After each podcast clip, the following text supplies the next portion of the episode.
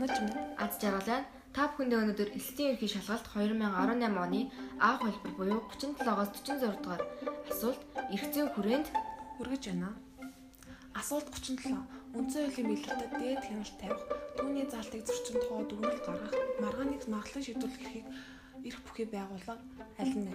Зөв хариултнаас хэлбэр. Үндсэн хуулийн бэлтгэдэг дээд хяналт тавих, түүний залтыг зөрчин тухай дүгнэлт гаргах, маргааныг маглан шийдвэрлэх эрх бүхий байгууллага бол үндсэн хуулийн цэцэм аа. Асуулт 38. Аль нь ерөнхийлөгчийн бүрэн эрхэд хамаарахгүй? Зөв хариулт нь D хэлбэр. Улсын хил тогтоох улсын хурлын бүрэн эрхт хамаарна. Асуулт 39. Төрийн өмчөд ерөнхий боловсролын сургуулийн захирал багш нар төрийн албаны аль ангилалд хамаарах вэ? Зөв хариулт нь төрийн үйлчлэгээний байгууллага. Асуулт 40. Үйлчлсэн акт тус бүрийг батлан гаргах төрийн албаны тушаалтай зөв харгад тохируулна уу? А зөв хариулт нь Э хэлбэр буюу засгийн газар тогтоол гаргана, ерөнхийлөгч зарлиг гаргадаг, засгийн газрын агентлагийн дарга тушаал гаргах. Асуулт 41. Хүүхдийн эрхийг хамгаалах чиглэлээр улсын их хурлын ямар чиг үүрэг бүлээх вэ? Зөв хариулт нь С хэлбэр. Хууль татлах түүн нэмэлт өөрчлөлт оруулах замаар хууль эрх зүйн орчин бүрдүүлэх нь зөвхөн улсын их хурлд хамаарна. асуулт 42 давж заалдах шатны шүүх нь аль нь вэ? Зөв хариулт нь D.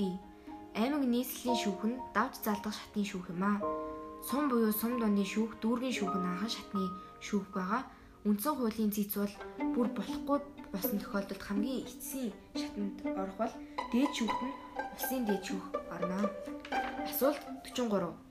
Иргэн ис 2017 онд хувийн 2 өрөө орон сууцаа 70 сая төгрөгөөр худалдан борлуулжээ. Үйл хөдлөх хөрөнгө борлуулсны орлогоосоо хэдэн хувийн татвар төлөх вэ? Зөв хариулт B. Үйл хөдлөх хөрөнгө борлуулсны орлогод 2 хувиар татвар ногдуулна. За бусад хариулт нь яга буруу байсан бэ гэвэл 5% спорт урлагийн тоглолтоос олсон орлогоос авдаг бол 10% хүн амын орлогын албан татвар авдаг 12% гэж хийсвэр хувь буюу ерөөсөө тийм хувь байдаггүй харин 40% нь болохоор хонжирт суглааны орлогод 40%-аар татвар ногдуулдаг байх нэ. Асуулт 44. Хувь хүний орлогын албан татврын тухай хууль зааснаар татврын хөндлөлт эдлэх нөхцөл шаардлагыг хангасан иргэн аль нь вэ? Зөв хариулт D. Хувь хүний орлогын албан татврын тухай хууль зааснаар албан татвар төлөгчийн хүүхэд гадаад дотоодын ихтэйд болон мэрэгжлийн боловсролын сургууль коллежид элсэн суралцж байгаа бол түүний сургалтад төлсөн төлбөрийн хэмжээгээр албан татврын хөнгөлөлт хэдлүүлнэ гэж заасан байдаг. Асуулт 45.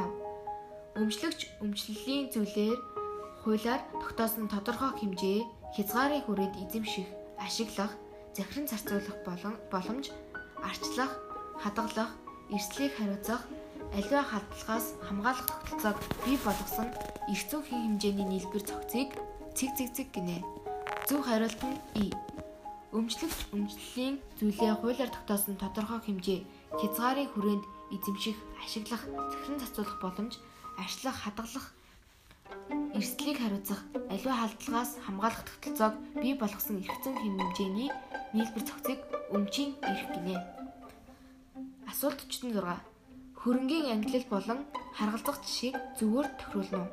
Зөв хариулт бол А. Үл хөдлөх хөрөнгө нь газар, хөдлөх нь болохоор автомашин, оюуны нүд зүйл, зохиогчийн эрх хамаарна.